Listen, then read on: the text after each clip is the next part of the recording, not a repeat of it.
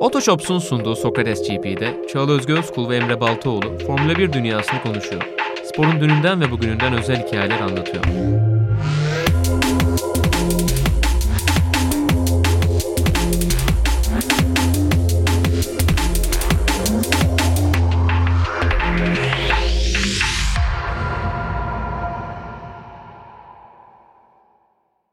Sevgili izleyenler merhaba. Sokrates GP'nin yeni bölümüne hoş geldiniz. Emre Baltaoğlu'yla Sanayi Mahallesi'nde buluştuk ve biraz Formula 1 konuşacağız. Emre'cim hoş geldin Teksas'tan buralar. Evet, hoş buldum. Merhabalar. Ee, nasılsın? Keyifler nasıl? İyi, güzel. Güzel bir yarış oldu. Daha da keyiflenmiş. Seni sormalı. Ee, ben de iyiyim. Ee, her şey güzel. Sadece bir itirafta bulunmak isterim ki yarış esnasında uyuyordu. Çünkü çok gerçekten korkunç yoğunlukta bir hafta geçirmiştim ve pazar günü pilim bitmişti. Pazar gününü böyle iki saatte bir uyuyarak geçirdim. Öyle denk geldi. Yarışta ancak e, dün gece e, bitirebildim. Meksika seni daha da zorlayacak o zaman Evet, bu arada. evet. Saati daha da Yok ters. ama bu hafta daha iyi bir hafta geçireceğim. İyi yani geçen hafta çünkü böyle gün içinde 17 saat falan çalıştım ve her gün çalıştım. E, o yüzden böyle çok yorucuydu. Vücut kaldırmıyor artık Emre'cim belli bir yaştan sonra sen bilmezsin gençsin. Seni de göreceğiz ileride. Yani şey yarışın saatiyle alakası yok. Muhtemelen gündüz de olsa o aralıkta da Tamam. uyuyor olabilirdi. Olsun yine de heyecanı ayağa kaldırır bu hafta ya bence. Evet Yine evet olacak. bence de. Bence de güzel olacak. Bu yarıştan da öne çıkan güzel notlar var. Hepsini değerlendireceğiz ama öncelikle biliyorsunuz Sokrates GP Otoshops'un katkılarıyla hazırlıyoruz. Hayallerinizi süsleyen araçla tanışmaya hazırsanız eğer yepyeni ikinci el deneyimini yaşamak için Otoshops'ta yepyeni indirimlerimiz var sizler için. www.otoshops.com'da tüm indirimli araçları inceleyebilir ve Türkiye genelinde 18 ayrı noktada yer alan yetkili satış noktalarını ziyaret edebilirsiniz. Bu hafta da bu duyuruyu sizler için yapalım. Eğer hayallerinize ulaşmak istiyorsanız adım atmanız gerekiyor sevgili izleyenler. Emre'cim biliyorsun ki başlıklarımız var. Evet. Her hafta böyle e, ödüller dağıtıyoruz pilotlara, takımlara. Bu hafta biraz zorlandık ama programın açılışında bence bu başlıklardan bahsedelim. Çünkü biraz da e, aslında program akışını da anlatacak bizlere. En zorlandığımız başlık oldu. Haftanın alev atılanı. Yani bir alev atmak günümüzde bu kadar kolayken nasıl bu başlıkta bu kadar zorlandık? Ya orada aslında bizi daha çok zorlayan şey biraz diskalifiyeler oldu aslında. Evet. Çünkü hani diskalifiye de direkt olarak Lewis Hamilton'a normal şartlarda açık ara net bir şekilde verilebilecekken o alef diskalifiye durumu bayağı bozdu. Evet. Ama o açıdan yani biraz Norris'e gitti iş. Ben şahsen Verstappen de olabilir demiştim ama o birazcık pek kabul görmedi mi diyeyim bilmiyorum. Bak şimdi burada meclis meclis oylamasında. E, biraz evet Verstappen yani tekrara düşüyoruz gibi olmasın Ya diye evet, dedim doğru. ben. Yoksa tabii ki. Tabii canım. Yani ona sıkıntı yok. Ama yani Norris hafta sonu boyunca gösterdiği performansla McLaren'le beraber özellikle alev atılan olmayı günün sonunda diskalifiye olmamasıyla beraber kabul etti biraz. yani ol, oldu yani. Sargent'ı da konuşmuştuk bir alev atar mıyız diye ki kendisi hak etti. Biraz şartlarda hani öyle itti ve ait olduğu yerde en azından Evet. ilk puanını almış oldu.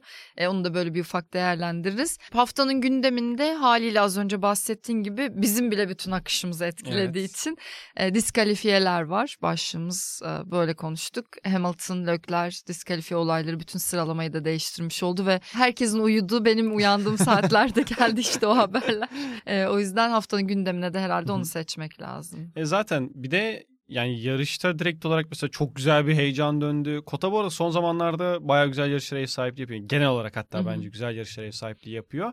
Ama bu diskalifiye mevzusu bayağı tuhaf oldu bence. Evet. Çünkü insanlar işte Hamilton acaba galibiyeti alabilir mi? Ona mı oynuyor? Ne olacak derken bir de günün sonunda bu sefer elde kazanılmış podyumdan da olundu. Bir de üstüne Lewis ikinci sırayı zorlarken genel şampiyonada bu sefer oradaki puan farkı da açıldı Çeko'yla. O yüzden bu hafta sonu bence pist üstü kadar pist dışı faktörlerinde bu kadar konuşulması biraz değişik yaptı durumu. Pist üstü keyifliydi ama pist dışında beklemek işte o gecenin dördüne kadar bayağı yordu. Evet evet bekledin değil mi? Bekledim Çünkü evet. onun geleceği haberi var. Evet evet. O yüzden Bir de işte bizim sayfaya gireceğim haberi falan. O yüzden ben de erken zorundayım. saatlerde güne veda ettiğim için o saatlerde uyandım böyle aa işte bakmadan da duramadım ne oldu eyvah uyudum falan diye bir baktım ki olaylar var açıklamalar gelmiş. Gitti dedim yine Hamilton Leclerc. E, Leclerc'e çok yazık oldu ama yani Pol'den tamam evet galibiyet kazanabilecek tempo zaten yoktu Ferrari'de onu biliyorduk ama Hollen başladığı yarışta bu kadar dramatik önce 6. bitirip Evet. yine detaylı konuşuruz onda ama bu sefer diskalifiye bir de Çok kötü oldu. evet. E, bunu birazdan açacağız. Son başlığımızda haftanın şapşalı. İki isim arasında Evet. gitti geldi burada. Tam ikisi de yine içine sinmedi gibi ama senin de. Bir Toto Wolff dedik. Evet. Biz öyle iyi miyiz bu kadar hızlı mıydık ya falan dedi hiç. Kazanabilecek aracımız Evet. olduğunu bilmiyorduk tarzında bir Aynen, açıklama yaptı. Kendisi takım patronu Evet. olmasına karşın. Vardır bir bildiği onu söylemekte de yani hani hak etti gibi bu başta. Konuşacağız o da. Evet bir de Giampiero Lambiese yani Verstappen'i tatlı tatlı delirterek bu ödülü almış oldu. Evet ya orada silmemekten ziyade hani acaba şu işte arabaları daha da alçaltmalarından dolayı Ferrari ile Mercedes mi oraya dahil etsek diye direkt olarak düşünmüştüm ama Ama Yine o kadar büyük bir ya. olay Evet, ki gündeme oturuyor. Evet, evet. O yüzden hani böyle şapşal diyerek geçilecek kadar basit bir şey görünmedi ya. o yüzden evet özellikle Toto'nun açıklaması bence bu arada çok talihsizdi. Net bir şekilde o şapşallığa giren bir şey vardı. Lambiase'de de evet yani ama orada mesela Horner'da şey demiş. İşte tamam dışarıdan biraz sert gözükebiliyor ama iç tarafta hiç öyle bir zaten ilişkileri yok diyor da ama dış taraftan görüldüğü zaman işte Lambiase'nin yaptığı da biraz böyle sinir uçlarıyla oynamak oldu orada. Bence de, bence de. Şimdi istersen biraz yarışı açmaya başlayalım. Şöyle bir hafta sonundan alalım istersen. Yani komple hafta sonunu e, alalım. Sprint'te de beraber. Ya biraz böyle şey olmaya başladı. Yani tadı mı kaçıyor? Bil- Ya Formula 1 bu kadar fazla yarışla, bu kadar fazla e, vakit ayırarak her hafta sonu işte üzerine her gününü değerlendirerek yapılacak kadar basit bir spor değil gibi geliyor Hı hı. bana. Çok fazla mesai harcamanız gereken bir takip ederken bir spor. Hele içinde olduğunuzda bambaşka işler. Dolayısıyla hani çok fazla mı sprint var? Hani o kadar tatlı mı? Başka bir formül mü olması lazım? Yani bu gündemi her sprint hafta sonunda açmak Evet. istemem ama her sprint hafta sonunda da biraz böyle hissediyorum. Sen ne düşünüyorsun? Bence de öyle. Biraz arkadaşlarla falan da mesela konuşurken bize şey muhabbeti geçiyor. Ya işte 2008-2009 zamanı acaba hani eski olduğu için çocukluğumuz olduğu için tatlı geliyordu bize diyoruz ama o zaman mesela daha azdı zaten. 17 yarış civarında vardı sanırım. 16-17 yarış vardı.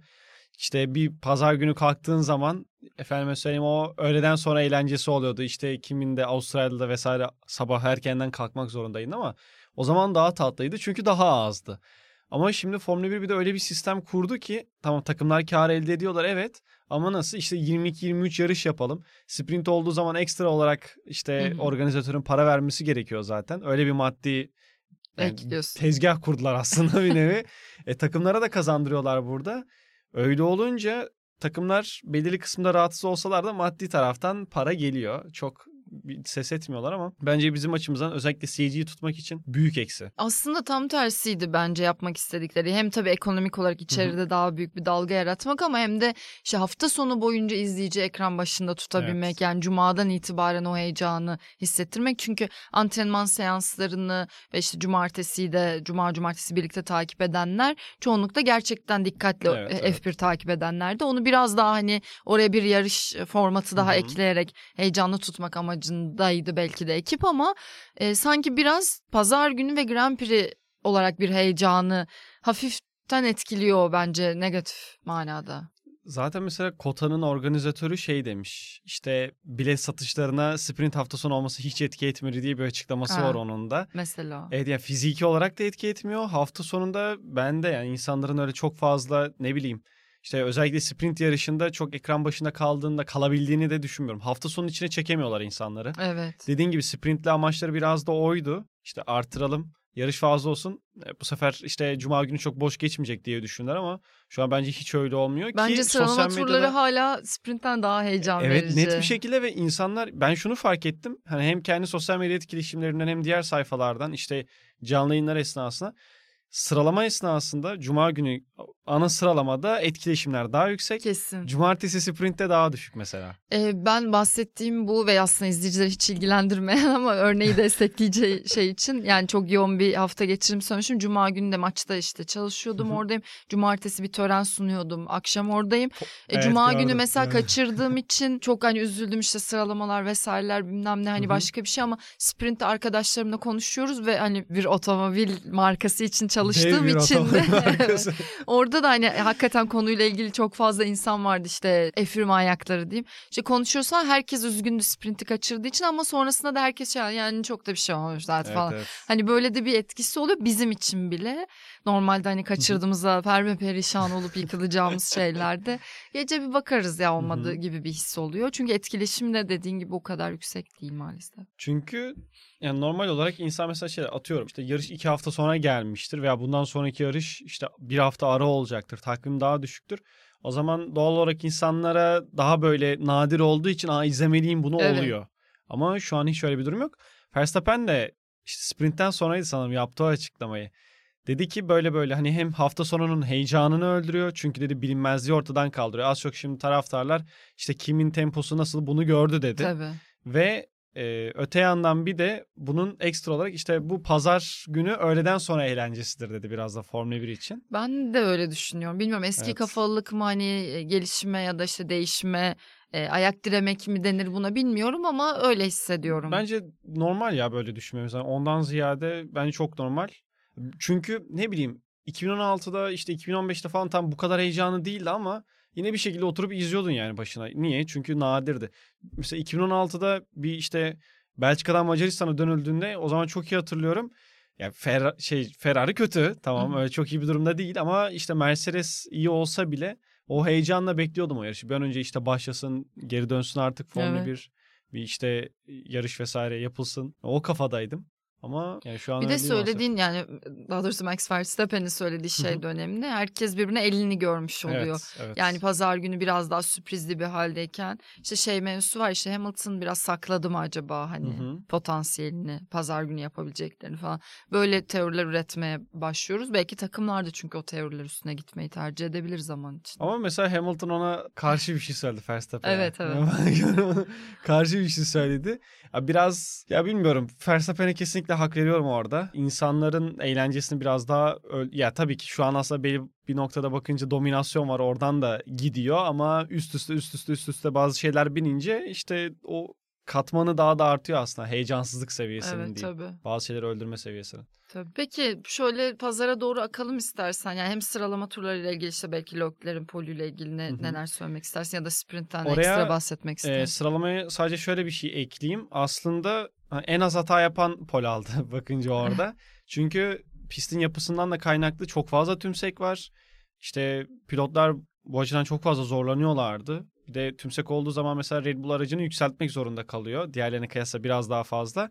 Performanstan bu kez vermiş oluyorlar. Bir de üstüne sprint haftası hazırlık aşaması çok daha dar onlar için.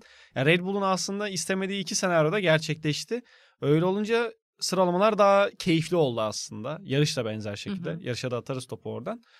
Ama Ferrari tarafında şu bir gerçek. E, Leclerc bence gereksiz bir şekilde Ferrari'yi sıralamalar açısından en azından daha iyi gösteriyor gibi bir şey. Çünkü normal şartlarda belki de olması gereken yer Carlos'un olduğu yerde sıralamalarda. Hı hı. Ama yani gerçekten tekli turları çok iyi. Bir de işte Ferrari'nin aracın e, lastiklerini iki turda öyle çok ısıtmıyor. Zaten ekstra bir overheating dediğimiz mevzuya girmediği için sıralamalarda iyiler. Leclerc'le Evet. birlikte birleşince. Ama yarış tarafına gelince gördük ki özellikle 5-6 turda medium lastiklerini zaten berbat Çok ettiler. zor duruma düşüyorlar. Yani bütün Çok kötüydüler. sezonun özeti gibi Evet, yine evet. oldu. O yüzden sıralamalarla alakalı söyleyeceğim şey Cuma günü gerçekten çok iyiydi ana yarış sıralaması. Bayağı güzeldi. Leclerc dışında Hamilton ve Norris de alabilirdi zaten. Bayağı yakınlardı birbirlerine bu ana yarış Hı hı. kısmına bakınca ama Ferrari'nin defoları çok net bir şekilde belli olmuş oldu Cuma günkü o heyecandan sonra. Şimdi şey de çok enteresan yani pazar günkü yarışı konuşacağız hani bireysel ve takım performanslarıyla da beraber ama bu diskalifiyelerden bağımsız da konuşmak çok zor. Hem hı. çünkü sıralamayı etkiledi hem de e, nihayetinde işte e, tabanın yere E, yakınlığıyla beraber Performans performansı da zaten etkilemiş oluyor. Her ne kadar etkilemediğini iddia etmiş olsalar da negatif ya da pozitif bilmiyoruz. Kuralın dışında bir şey Evet. olduğu için. E, bu şeyle ilgili senin ne kadar bilgin var? Belki konuşabilir miyiz? Yarış bittikten sonra bu isimlere geliyor. Bunun bir sebebi Hı hı. var mı? Yani şimdi doping testlerinde random oyuncuları Hı hı. alırlar yaparlar ama burada sanırım sistem tam olarak öyle değil. O araçları seçerken e, bazı veriler ışığında mı seçiyorlar? Çünkü Orada- Russell veya Hı hı. Sainz yok işin içinde. Orada biraz şey sanırım ya. E, direktörün insafına kalmak mı diyeyim, kuşkularına kalmak mı? Çünkü birkaç yere baktım. Orada genel işte bu otomotorun sport olsun, işte motorsport.com global olsun. Onlara baktığımda şunu söylüyorlardı. İşte Joe Bauer teknik direktör gider. Efendime söyleyeyim bu tahtanın altında bir tane de titanyum parça varmış mesela. O Evet. ekstra olarak aşındığında güçlü bir koku yayar diyor. Bu işte kuşkulanmasına sebebiyet verebilir Eskiden diyor. bu titanyum yokmuş Hı, zaten. Aynen. Sonra bir de şundan bahsediyorlar. Pilotlar körebe çıkarken kafası sallanıyor mu? Çıkarken ve Aha. inerken kafaları sallanıyor mu? Ona bakıyorlarmış. Yine aslında Yunuslama şeyinin böyle bir Gibi evet efekti. hani o çıkıntı veyahut da hani araba o konumda nasıl? Hani biraz ona bakıyorlar. Pilot işte ya biraz sezi üstünden gidip seçmiş. Peki bu pistin bunda bir etkisi var mı? Çünkü tabii. pist biraz daha farklı bir pist olduğuna göre. Evet ya orada ilk şeyden gideyim hani random seçme olarak ya biraz hani ama kendi kuşkusu ama farklı sebepler ya biraz Süper Loto gibi aslında. Ona çıkmış iş. Çünkü Lando, işte Max, Charles ve Hamilton'a gidildi. Lando ile Max'in zaten araçları o yüksekliğin biraz üstün yani yeterli yükseklikteymiş. Diğerleri daha alçak yarışmışlar ama orada bakınca genel kanı şu. Diğer sürücüler incelense bu diskalifiye oranı kesinlikle artacaktı diyorlar. Bu Hmm. zaten genel bir kanı. Oradaki sistem biraz eksik FIA'nın yaptığı kontrol sistemi. Çünkü dediğim gibi biraz daha sezi üstünden gidip öyle kontrol etmeye biraz daha yöneliyorlarmış. İşte herkesi kontrol edememe olarak da vakit yetmemesini gösteriyorlar.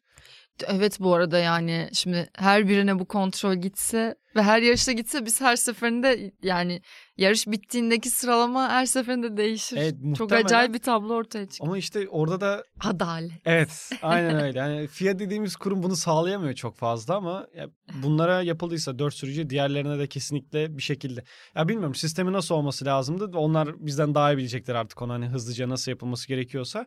Ama biraz da e, takımların bir sonraki piste gidiş sürecini yavaşlatmamak için bunu yapıyorlarmış. Biraz yarışma ve organizasyonu hızlandırma açısından pist içi durumu yiyorlar aslında. Evet. Doğru. Orada bir tık talihsizlik var. Bilmiyorum ona nasıl bir sistem getirirler ama hiç adaletli diyebileceğimiz bir sistem yok aslında şu an FIA'nın orada. Aslında burada bir haftanın alev atılanı başta açarım çünkü Lewis Hamilton'ın paylaştığı e, Posta post, bayıldım. evet, evet. E, Leclerc'le Hamilton beraber e, işte o basının karşısında soru yanıtladıkları şeyin adını unuttum şimdi. böyle şekilde. Yani ikisi de oturuyor işte Leclerc böyle hafif bir şok ifadesiyle Hamilton ne oluyor burada. e, Baya güzel bir post mood diye paylaşmış Evet. onu da. Şok edici oldu diskalifiyeler gerçekten. Orada bir de devamında da şunu söyleyeyim. Pistin yapısı zaten çok etkili ama net bir aslında ne derler ona kural ihlali diyebileceğimiz bir durum mu ortaya çıkıyor bilmiyorum da. Biraz çünkü terimler birbirine yakın. Hani yanlış da kullanmak istemiyorum orada. Sadece şöyle bir sıkıntı var işte. E mesela Red Bull'la McLaren niye diskalifiye edilmedi? Niye Hı hı. ihlallik bir durum olmadı? Çünkü araçların yeterli yükseklikte tutmuşlar. Bu Evet. alttaki plakayı koruyabilecek o erime aşınmasın aşıma noktasında. Onu ideal tutmuşlar. Bu sefer performanslarından tabii milimlik mevzular bunlar ama performanstan belli bir noktada feragat etmek zorunda kalıyorsun. Yani Formula Mercedes'te- 1'e zaten her şey milimlerle e, alakalı. Aynen öyle milisaniye falan milimetre. Ya bunlar çok kritikken hani aracı daha alçaltıp daha fazla performans kazanmaya çalışması Mercedes'e Ferrari'nin e, tümseklere takılmış oldu. Pistin bozuk yapısından kaynaklı. Bir de köpler e, orada tıraşladı onları ama Ferrari ve Mercedes de zaten hatalarını kabul ediyor orada. Evet evet yani yapacak bir şey yok. Evet. Yanlış e, ayarda tutmuşlar. Aynen tek sıkıntı işte orada dediğim gibi dört sürücüyü sadece seçip diğerlerine bakmamaları en büyük problem o. Belki başkalarında da çıkacaktı diyorsun. Evet. Şimdi istersen diskalifiyeler ışığında yani daha doğrusu onları e, birazcık hariç tutarak yarışı konuşmaya çalışalım. Mercedes pit stratejisiyle beraber bir galibiyet kaçırmış olabilir mi? Çok net. Hatta pit stop iki pit stopu da Bu bir- Dünyanın en garip sorusuymuş gibi sordun o kadar da hani bariz bir şey. Bir heyecan katayım. Hem strateji hem de pit stop hızı. Evet. İkisini de 3 saniye üstüne yapmaları korkunç bir hata bu arada. Yani bir de minik minik şeylerin böyle bir araya gelmesi falan ilk başta ya Toto'nun şu açıklaması çok offside zaten. Bu mentalitede olmaları çok offside. Mercedes gibi bir takımın. İşte aracın aslında belli bir noktada galibiyet alabilecekleri durumda olduklarına pek inanmamışlar. Aslında bağıra bağıra geliyordu. Bakınca Red Bull çünkü o kadar keskin değildi bu hafta sonu. Bu bir özgüven eksikliği mi acaba? Yani sezonu çok dalgalı geçirmek aynı zamanda hata yapmayı mı e, hata yapmaya mı sebep oluyor? Hem o hem de bence zirveden biraz uzaklaşmış olmaları. Bayağı özgüvenleri zedelendi Evet. bence. Çünkü 2021'den sonra 2022'ye geldiler. Bir anda sudan çıkmış balığa döndüler. Çünkü niye? 7-8 seneyi domine eden takımdık. Biz Orada olmaya alışkın değiller. Evet. Hani ne oldu ne yaptı? Bu Alonso mu söylemişti. Hamilton için hiç arkalarda olmaya alışkın değil tabii Evet, falan diye. Ya ben de ona biraz demişti, kızmıştım evet. ve manasız bulmuştum ama bir takım profiliyle baktığında biraz doğru olabilir bu. Yani bütün stratejileri işte aldığın kararları, e, karar alma hızını falan hepsini etkiliyor olabilir. demişti. Evet şey takım tarafı için doğru. Alonso biraz onu Alonso biraz yine. söylemişti ama. Sen yok musun Alonso? Hamilton'a direkt o temas ettikten sonra söylemişti ama Evet, takım evet. tarafında evet bence de doğru. Takım kısmına bunu evirirsek eğer. Çünkü Mercedes'in normal şartlarda zaten yapması gereken iki basit bir şey var. Yani Red Bull yapması gerekeni yaptı aslında. Belki de onlar bile eksik yaptı bu hafta sonu strateji tarafında bakınca. Ama Mercedes o kadar kötüydü ki yani Red Bull orada biraz daha kendini rahata attı. Çünkü yarış sonunda bakınca iki saniyenin altında bir fark vardı. Ne bileyim pitten işte dediğim gibi çıkarken iki pit stopta zaten neredeyse Hı hı. iki saniye yediler. E stratejide dünyalar kadar fark ediler. Tabii. Ya bir de şeyde Mercedes sonuçta iki pilotuna da soruyor. Diyor ki hani bir beş tur daha atar mısınız? Nasıl diyor durumlar iyi misiniz? Akar mı beş tur daha diyor. Russell diyor ki gider galiba falan diyor. Lewis da di- zor diyor yani gitmez diyor. Ama gidiyor yine de. E ama Lewis, being Lewis. E, o yüzden bilmiyorum alsa yani hızlı o kararla artık oradan vazgeçiyorsan da hızlı vazgeçmek ve pite dönme kararını daha hızlı vermek belki. Orada bence biraz kafa olarak orta sıra takımına ittiler kendileri. Çünkü şimdi yeni taban getirdiler bu hafta sonuna. İşte James Ellison direkt tabii ki hızlanacağız ama o kadar büyük bir fark etmeyebilir vesaire diyordu. İşte hedefleri önümüzdeki sene zaten hani bu taban ışığında Hı hı. önümüzdeki senenin aracını daha da oturtmak kafada ama ya iyisin işte arkadaş yani sprinte bile belliydi bu önün açıkken ne bileyim işte belirli kısımda önünü açmaya çalışırken Lewis Hamilton temposu gerçekten iyiydi. Ama buna rağmen yani Toto'nun bu kafayı yani takımın genel olarak bu kafaya gitmiş olması sakıncalı baya. Kaldı ki önümüzdeki sene bile belirli açılardan sıkıntı yaratabilir belki de. Mesela McLaren'de de aynısı var. McLaren'de kazanabileceğini aslında çok fazla kurmuyor kafada. Bu hafta sonu da benzeri vardı. Ya onlarınki bir nebze daha makul geliyor E, tabii. bana yıllara bakıldığında ki hani yani gelecek sene için sonuçta Red Bull'u belki de zorlaması en muhtemel Hı hı. takımlar hala Mercedes veya bu son bölüm çıkışıyla McLaren olarak kabul edilebilir herhalde. Çünkü yani sezon ikinci yarısında bir gelişimle bir Atak çıkış geldi, evet. göstermek daha umut verici oluyor yeni seneye bakınca da. E, ama sonuçta hani Red Bull kadar da rahat hissetmiyorlar belli ki. Orada işte öğrenilmiş çaresizliğe gidiyor iş bence biraz da. Çünkü Red Bull her hafta sonu güçlü kalıyor bir şekilde. Mesela en iyi olmadığı hafta sonunu bile kazanmayı başarıyor. Bir de o açıdan psikolojik olarak rakiplerini de sürüklüyor. Yani Tabii. bu hafta Perez sonu hariç. evet. Bu hafta sonunda bence net bir şekilde görüldü o. Mercedes'in yarış temposuna mesela sprintte baktığımız zaman ben biraz daha McLaren önde bekliyordum. Hı hı. Yalan yok. Çünkü işte Lando önü açıldıktan sonra zaten çok daha iyi gidiyordu bir de. Ama yarışa geldiğimiz zaman bu sefer biraz bence pilot farkı da ortaya çıktı. Çünkü Lewis Hamilton daha kusursuz bir iş ortaya koydu. Lando böyle Sen bunu paylaştın değil mi böyle bir Evet, şeyi? evet, evet. çok onu soracaktım iyi hatırladın.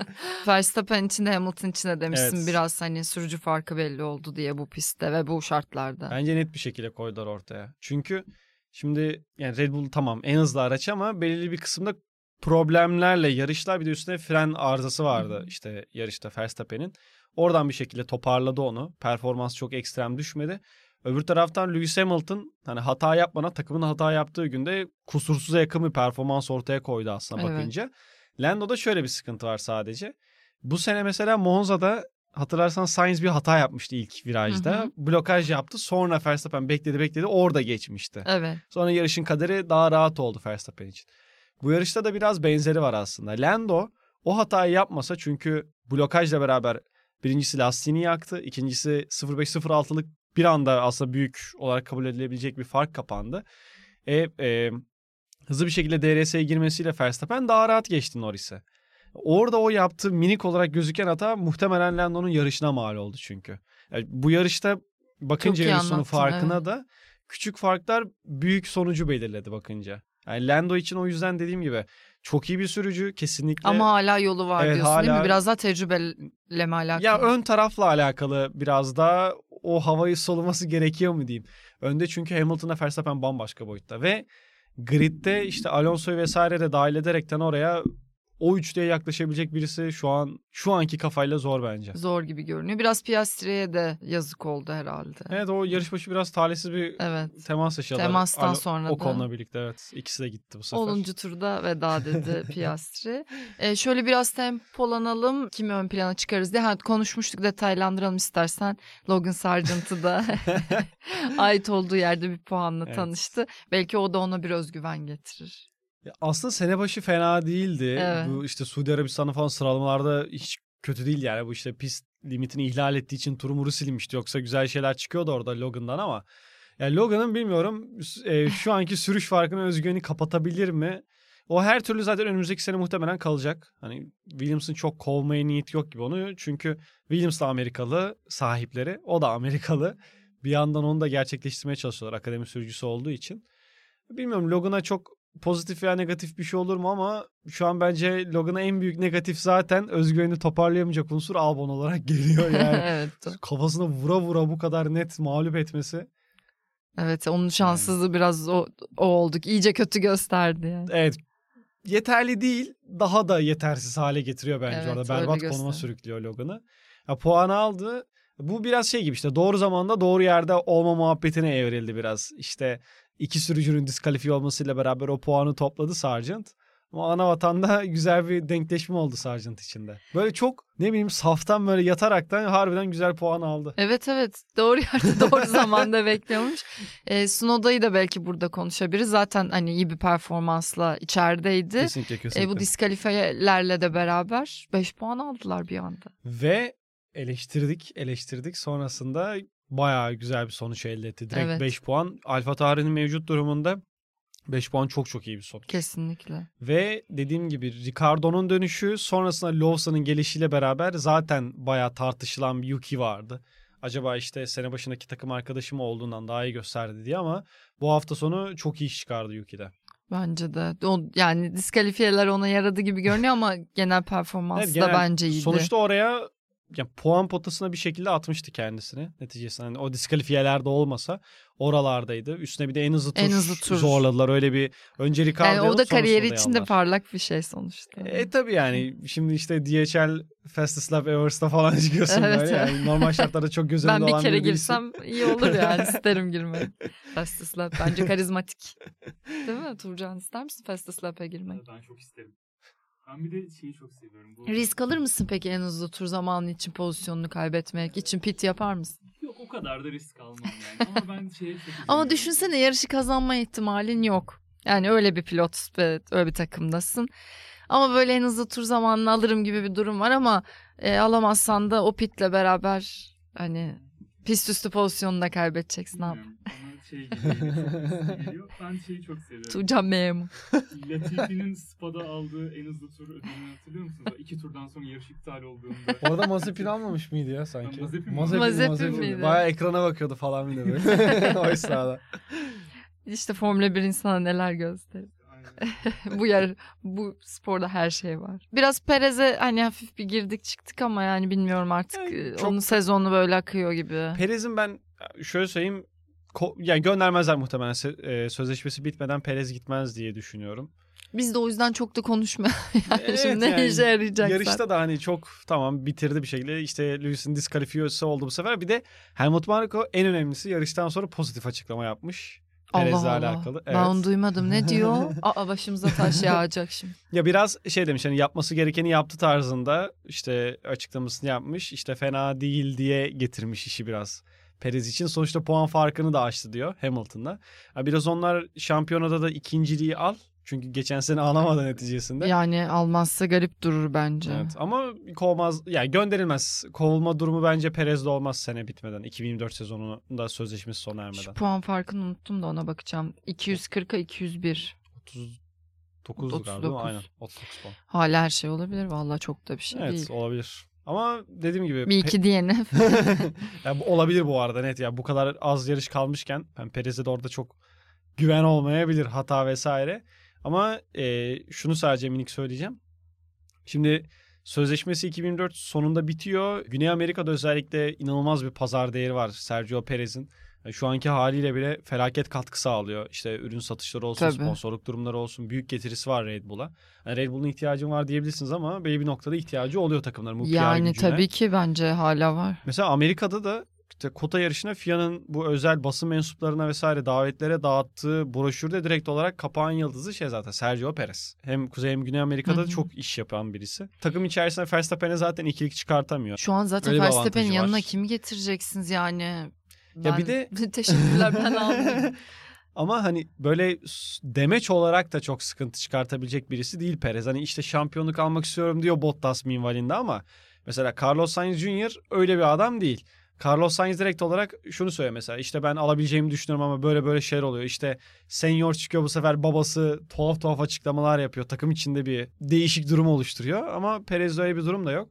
O yüzden 2024'ü de bir şekilde bitirip 2025'e bir yapılanmayla gider gibi gözüküyor şu an Red Bull. Bana da biraz öyle geliyor. O yüzden de hani akışta manasızlaşıyor. E, tabii hani canım. iyi ya da kötü ikinci bitirirse okey ama bence hala sallantıda dört yarış kala. Yani yetersiz. Net bir Yetersiz. şekilde yetersiz ama Yani şampiyonluğun bu kadar erken muhtemelen. ilan edildiği bir yerde ikincinin dört yarış kala hala böyle rahat hissettirmeyecek bir yerde olması ciddi bir performans farkı var ama zaten Verstappen ve herkes arasında ciddi bir farkı var. Ee, Sainz Ha Carlos. Carlos'la alakalı şuradan top atacağım sadece. Ferrari'nin stratejisiyle alakalı bence de yapabiliriz. Çünkü bakınca mesela Carlos e, onlar da tek bir stop yapmak Hı hı. istiyormuş Ferrari. Ama Verstappen'i yakalamaya çalışırken bu Verstappen onu geçtikten sonra ön lastiklerimi çok aşındırdım dedi. Ön lastikler bitti mecburen gelmek zorunda kaldım dedi. Hani adamın Verstappen'e tutunmak için ekstra çaba sergilemesi aslında ne derler ona Ferrari için kötü olan şeyi yapması iyiliğine oldu bakınca. doğru. Sainz için çok ortalama bir hafta sonuydu bence. Bakınca hani zaten Ferrari ile ekstra yapılabilecek bir şey yoktu. Oradan alınabilecek maksimum sonuç ondu. Ortalama da denemez. Şimdi podyum yaptı adam. Hoş. Evet, Gayet iyi bir şimdi- iş ortaya koydu bence de. Bence Evet, yani şurada biraz Sainz övelim diye konuyu açtım. Vasat dedi Sainz. Sensin vasat demiş. Ama ya biraz şeyden kaynaklı işte çok göz önünde olmuyorlar ya. O yüzden biraz Evet, gidebiliyor. Ama ya yapması gerekeni çok güzel bir şekilde yaptı. Strateji tarafında da ekstra zorlaması aslında onun iyiliğine oldu. Podyumda çıkardı. Yani podyuma çıkmadan podyum yapma şampiyonumuz Carlos Sainz de böylece. Ya evet o da ne tatsız ya. Çok ya da mesela ya. Sargent için de öyle. Yani şimdi öyle bir şey Evet. yok. Hani bir çıkıp kutlamak varken bunları sabaha karşı böyle öğreniyorsun. Carlos'un orada iki tane, iki tane mi üç tane mi var? Üç oldu. Üç oldu değil mi? evet. Felaket bir şey ya. Gerçekten kötü. Artık bunun altına bir şey arayacağım yakın. Ama bu sene bence Carlos biraz şey mevzusunu ayırdı. İyi pilot ve hızlı pilot mevzusunda o farkı biraz gösterdi. Hani şunu demiyorum tabii ki. Yani saf yetenekle daha iyi falan. istikrar tabii arasındaki evet biraz ona mi? geliyor mevzu. Yani bu hafta sonu tabii üstün bir çaba sergiledi Ferrari gerçekten. Lökleri yemek için apayrı bir çaba sergiledi ama Sainz için tabii hakkını yememek lazım orada. Üstüne düşeni yaptı. Beşinci... Ama bak şimdi bir dakika dur. Beşinci bitirecekti zaten yarışı. Yok. Yok 4 Dört bitirecekti. bitirecekti, evet. Dört 3 oldu. Lökler Sainz'in altında. Aynen altındaydı. Ya orada Kontrol sadece işte evet evet öyleydi. Benim kafamı karıştıran mevzu. Hani Sainz'le alakalı ya çok iyi iş yaptı algısını oturtmamasının sebebi normal yarışı dördüncü hani o, o civarlarda bitirmesi aslında. İlk üçün dışında kalması biraz da. Evet. O yüzden Sainz falan arkadaşlar bana zaten yüklenmeye arıyor. Kusura bakmasınlar. Ama yani bir bilgileri varmış Emre'cim diyormuş. Aston için şöyle söyleyeyim. Onların en büyük şanssızlığı sprint haftası olması oldu. Çünkü büyük bir güncelleme paketi getirdiler Evet, doğru. aslında ve bunu test edemediler. Uygun aralığı çabucak bulabilmeniz zaten çok zor. Kimi zaman işte 2-3 yarışı bile bulabilirken.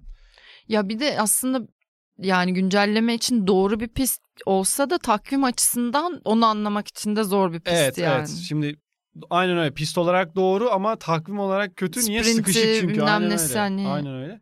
O yüzden biraz sıkıntıdaydılar ama yarışta bunu gerçekten bence güzelce terse çevirdiler. Stroll'ün puan alması muhtemelen Alonso'da da bir hasar varmış sanırım. Evet. Aracına hasar varmış. O da olmasa net bir şekilde çifte puanda çıkartabilecekleri bir hafta sonuydu. Alonso eski güncellemelerle kaldı. Eski araçla yarıştı. Stroll yeni güncellemelerle yarıştı. Yarışta biraz data karşılaştırması yapmak istemişler. O yüzden takım patronu da memnundu. Meksika'da o yüzden e, Aston bu hafta olduğundan muhtemelen çok çok çok daha iyi olacak. Ön taraftaki o Mercedes, McLaren, Ferrari grubuna da eklemlenmesi muhtemel gibi gözüküyor. Bu kadar dalgalı giderken bir de sene ortası getirdikleri güncelleme işe yaramazken Bu sefer sanki bir şeyler çıkıyor gibi Aston Martin. Kurtardılar gibi hafiften. Biraz olsun yani. O zaman tatlı tatlı toparlayalım. Böyle güzel paket tatlı bir yarış sohbeti oldu. Haftaya zaten şimdi arka arkaya beraberiz. Üç, evet. Zaten çok az kaldı. Şimdi böyle sıkıcı sezondu falan filan diye sallayanları Sonra göreceğim ben özleyeceğiz ama, bitince. ne kadar da güzeldi.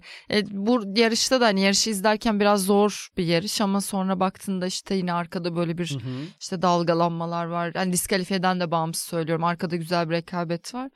Yani bu da olmayınca şimdi birkaç ay sıkıntılı geçecek. Tabii. O yüzden son haftalar sarılıyoruz. Yayınlara da like'lıyoruz. işte yorumlar atıyoruz. Sokrates Club'a üye olmayan arkadaşlarımızı uyarıyoruz ve hemen onları abone olmaya davet ediyoruz. Son minik ekleme yapayım Tabii. ben de. Biraz da e, burada işte Norris'in Hamilton'a mücadelesi de bayağı iyiydi. Felaket Evet. keyif kattı orada. Hamilton'ın Verstappen'i yakalayabilecek mi yakalayamayacak mı durumu da heyecanlandırmıştı. O yüzden bence insanlar zaten sonuçtan bağımsız olarak pist üstü mevzu olarak e, burada memnun kalmışlardır diye düşünüyorum. Ama işte sonuç tarafından bakınca Ferrari ve Mercedes fanları o kadar memnun olamadı. Tabii. Ama sonraki haftalara e, bence izleme açısından bir amaç verdi bu hafta sonu.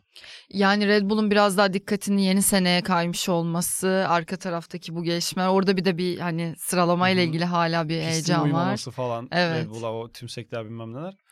Mes- mesela Meksika'da daha biraz da farklı yapıda bir pist. İşte yüksek rakım istiyor vesaire.